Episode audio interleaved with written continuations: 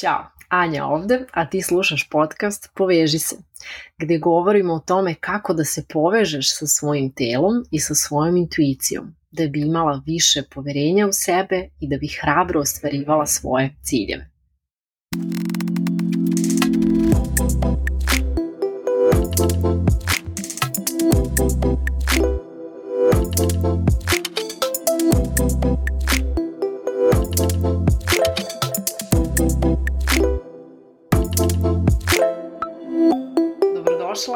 Epizodu 12. Danas sam inicijalno htela da razgovaramo o tome kako da prihvatimo emocije, ali pošto ne snimam epizode unapred, makar to ne radim u ovom trenutku, želim da pričam o tome što je trenutno prisutno kod mene, onome što je živo, a što mislim da će i vama služiti. Tako da današnja tema je kako probuditi emocije kroz zahvalnost. Da bih bolje ilustrovala ovo, ispričat ću vam jednu priču, istinitu. A, godina je 2020. negde jun, ja tada živim u Pekingu i već par meseci se osjećam prilično bez veze i veoma anksiozno. Šta se dešavalo? Uh, da, svi znamo šta se dešavalo 2020. Uh, nedostaju mi moji svi u Beogradu i Splitu, nedostaju mi kučići, ne mogu da odem da ih posetim, jer restrikcije zbog cijele situacije 2020 a, sama sam po cijel dan, nemam neko sad društvo u Pekingu, svi realno rade od jutra do mraka, moj muž takođe, izađe iz kuće u 7 ujutro, vrati se pola 9, 9, Mislim, nije do toga da ja nemam šta da radim. Ja sam išla na časove joge, ja sam snimala svoje časove joge, išla sam redovno na meditacije u Beijing Mindfulness Center, asistiram tamo i na kursu sa Mindful, mindful Self-Compassion, međutim, na duši osjećam ogromnu težinu. I svašta se tu nešto dešavalo, trebalo je da donesemo ponovo veliku životnu odluku, a ovog puta je to bilo da se vratimo u Beograd ili da ostanemo u Pekingu u svim tim uslovima koji su se tada dešavali, a stvari su mogle da budu samo još gore kao što se posle ispostavilo i da su bili, da su bile.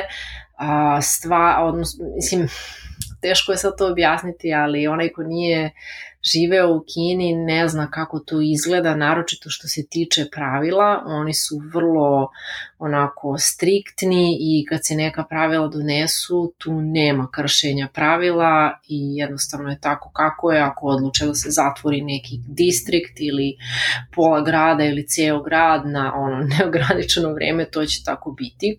I meni je sama ta činjenica da nemam slobodu jako teško padala, a opet sa druge strane sviđao mi se život u Pekingu i sviđalo mi se sve ono što jedan tako veliki grad uh, nudi, a i zapravo ne samo veliki grad, nego realno ja sam posle jako zavolala Peking, iako mi je u početku trebalo dosta vremena onako da ga, da ga baš zavolim.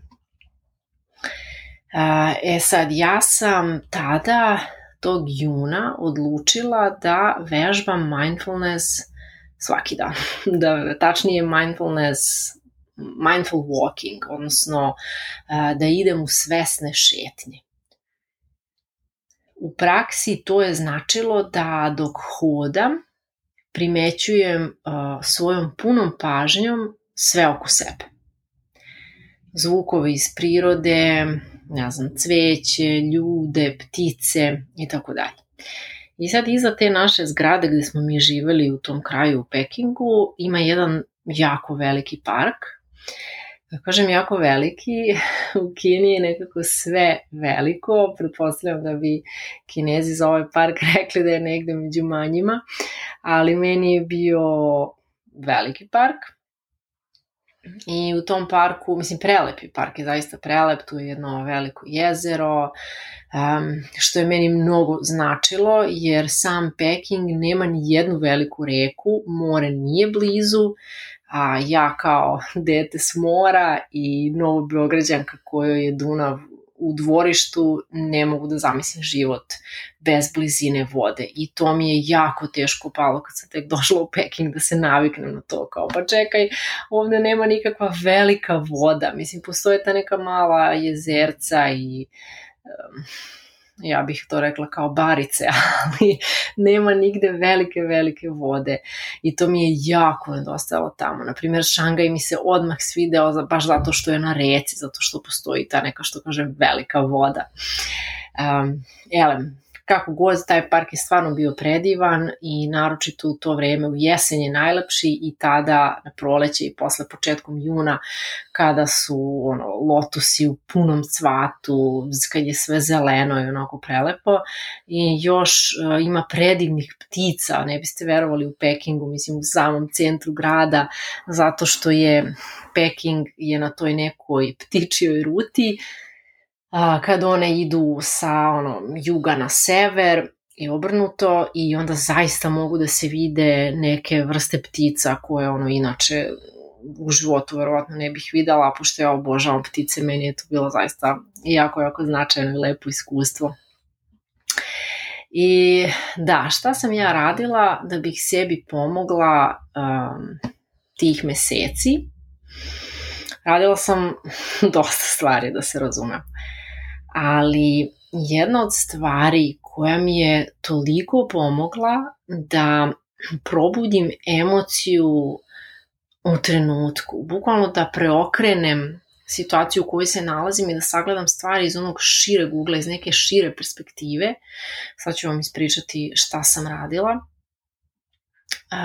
I u stvari pročitat ću vam šta sam zapisala nakon jedne od tih šetnji, jer ja sam kao što rekoh malo pre odlučila da ću da vežbam mindfulness u pokretu svakog dana i onda sam išla u taj park iza zgrade i evo pročitat ću vam ovaj, baš šta sam nakon jedne od tih šetnji zapisala. Ušla sam u park i prvo sam obratila pažnju na svoje korake. Pratim svaki svoj korak, dodir tabana i zemlje. Volala bih da mogu da se izujem. Bože, hvala ti što hodam. Hvala ti što imam noge. Dodir odeće na mojoj koži, povetarac koji mi miluje kožu. Dodir između dlanova, dlan od dlan. Sasvim polako. Toliko života ima u ovim dlanovima. Kako i divan osjećaj čulo dodira prebacujem pažnju na zvuk, na ono što dopire do mojih ušiju.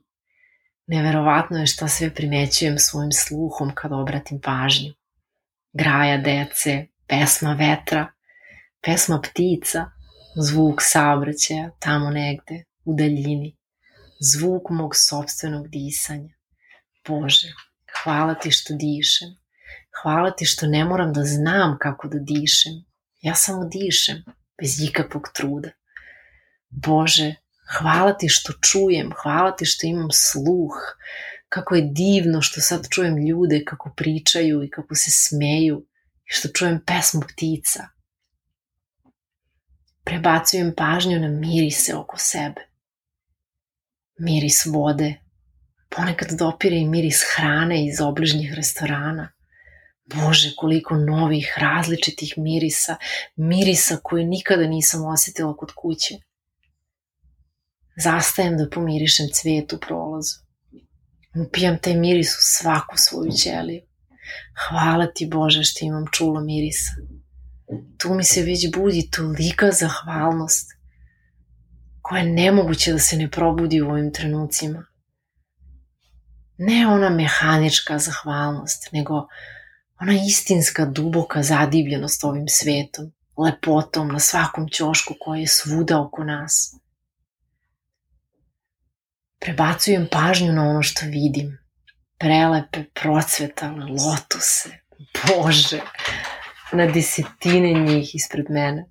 Gledam skoro svaki pojedinačno i razmišljam kakav magičan cvet iz blata nastao. Koja lepota. Posmatram dalje svoje okruženje, primećujem drveće, raskošno, veliko, toliko različito. Bože, koliko volim drveće. Vidi kako je stabilno, ukorenjeno, snažno. Vidi kakav hlad nam pravi.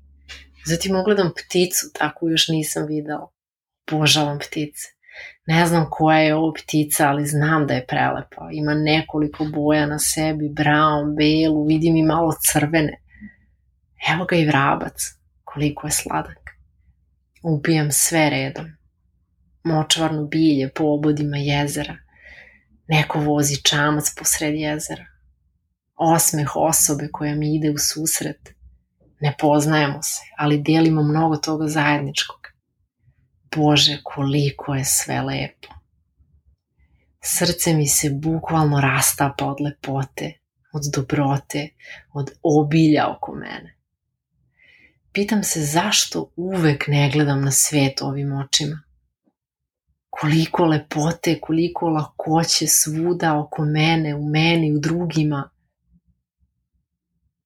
Spontano krećem da izgovaram metu za sebe, za prirodu, za ljude oko sebe koje ne poznajem, za ljude daleko od mene koji mi nedostaju, za sve nas. Jer svi smo jedno. Neka ja budem u miru, neka ti budeš u miru. Neka mi budemo u miru. Srce mi je prepuno ljubavi koja je od uvek tu. Težina se podigla.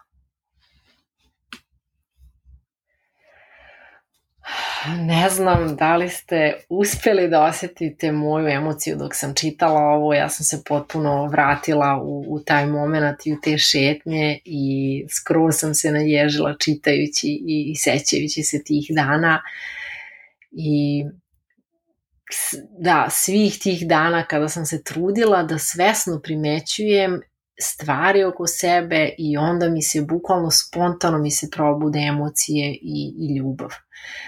I iskreno bilo je šetnji kada nisam uspevala da probudim ovako jake emocije, ali više je bilo šetnji kada sam uspevala nego kad nisam.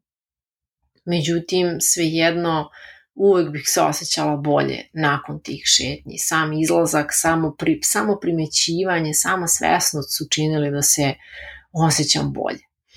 I u tih, u tim mesecima te svesne šetnje i coaching koji, na koji sam išla bukvalno su me spasili, to mogu da kažem. I ako išta uspem da vam prenesem kroz ovaj podcast, ovu, emisiju, ovu epizodu, to je koliko je bitna svesnost. Mm, meni su te šetnje pomogle da osvestim svet oko sebe, a coaching mi je pomogao da osvestim svoj unutrašnji svet, svoje misli i svoje emocije. I jednom kada osvestite mm, šta nosite u sebi, promena ide mnogo lakše. A život nam se menja onda kada živimo svesno.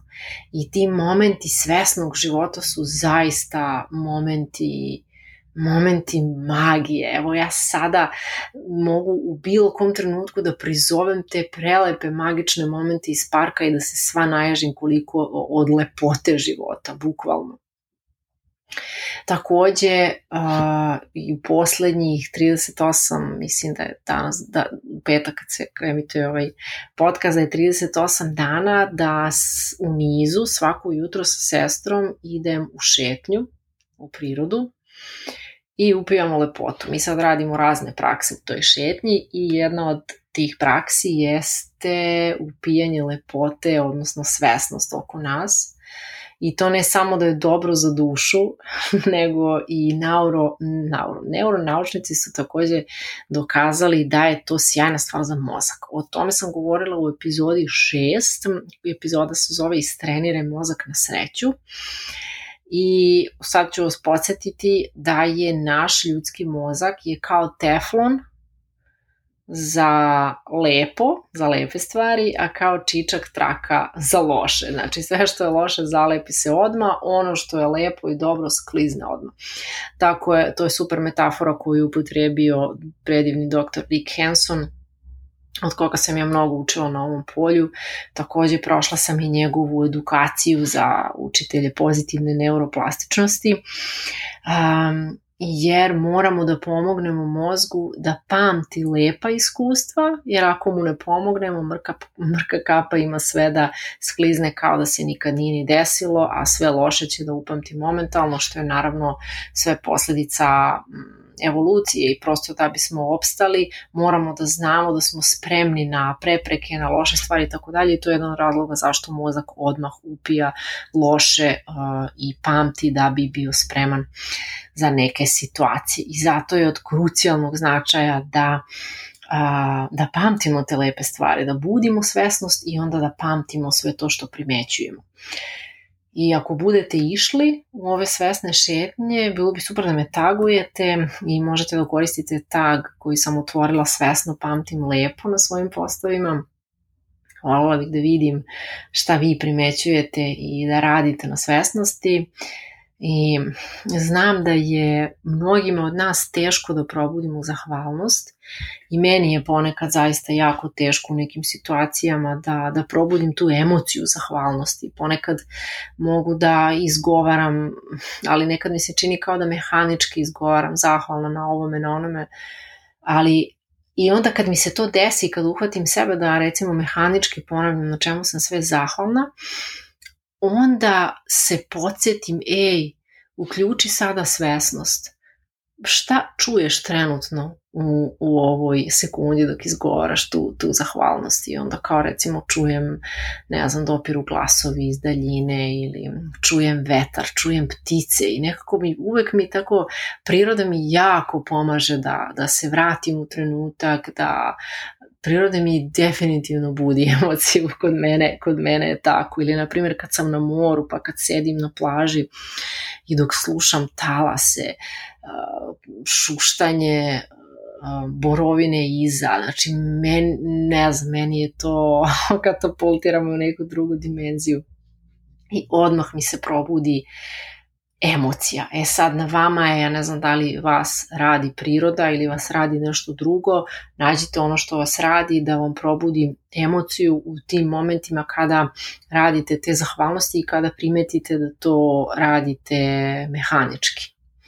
Jer nije poenta da pišemo ili izgovaramo zahvalnosti, a da ne osjećamo emociju. Ili da, još jedan primer, na primer sestra i ja kada izgovaramo zahvalnosti na glas i onda ako smo nešto ovaj, ono da, da izvinete skenjane, mi uvek krenemo te zahvalnosti sa našim kučićima zato što oni su a, nešto gde nemamo ni trunku otpora i tolika ljubav u našim srcima postoji za njih da ono kao srce će da prepukne od ljubavi.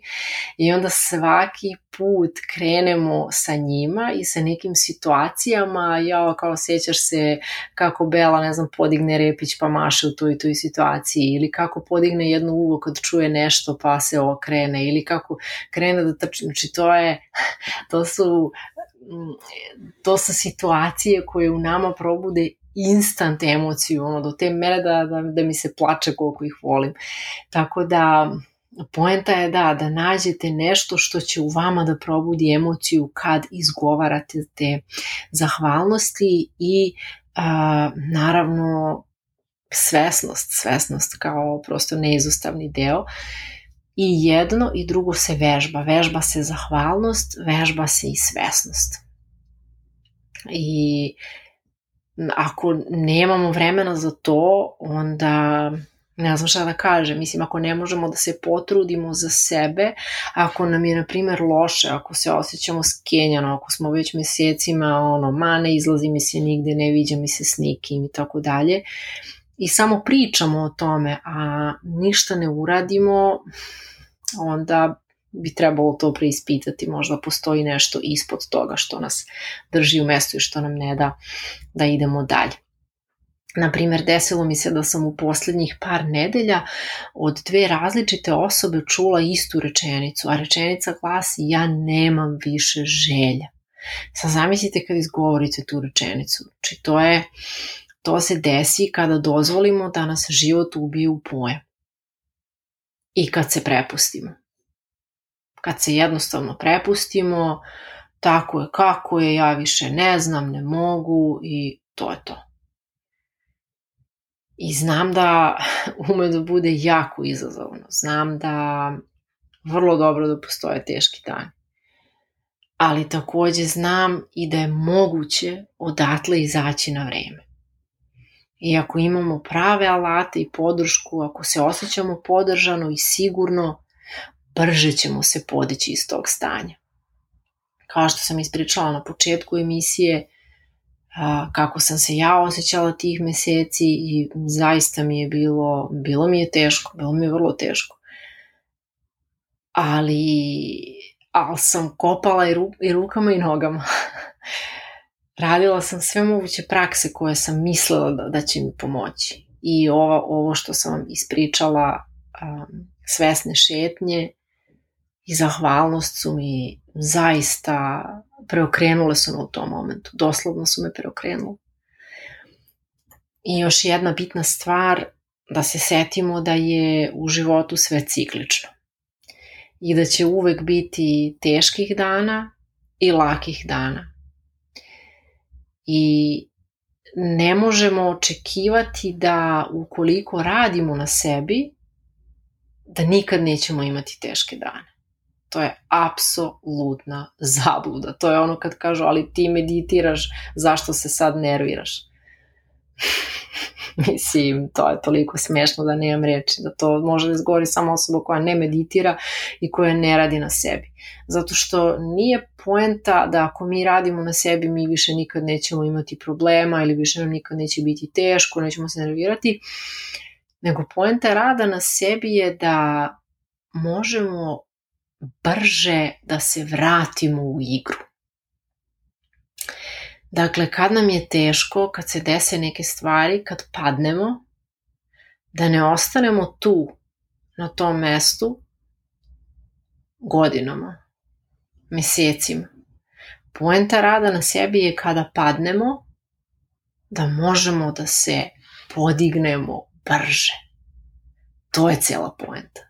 Zato što, ponovit ću, život je, sve u životu je ciklično, konstantno se vrtimo iz težih dana, iz lakših dana. Bitno je samo koliko smo spremni za loše dane kada dođu. Koliko smo spremni da kada nam dođu teški dani, da možemo da nakon par dana ili par meseci u zavisnosti od težine dana koliko brzo možemo da se podignemo na noge nazad. Eto, u tome je cela poenta. I ponekad možemo sami da se izvučemo, a ponekad to radimo uz pomoć drugih. I možda sad čujete ove nožice koje se približavaju, to je moj predivni pas. Um, ukoliko želiš da treniraš svesnost, zahvalnost i unutrašnju snagu sa mnom, prijavi se ispod preko linka za coaching konsultacije. Nadam se da vas je ova moja priča i sve što sam podelila u ovom podcastu inspirisala da vežbate svesnost, svesnost, svesnost, svesnost i zahvalnost. Šetnje su idealne za to. Izađi napolje, kreni da primećuješ oko sebe i radi to svaki dan, svaki dan, svaki dan, svaki dan, kad god imaš priliku. I ako ti je potrebna podrška za unutrašnji rad, tu sam, prijavi se ispod na linku za coaching. Hvala na slušanju, uživajte u nedelji i slušamo se narednog petka. Ćao!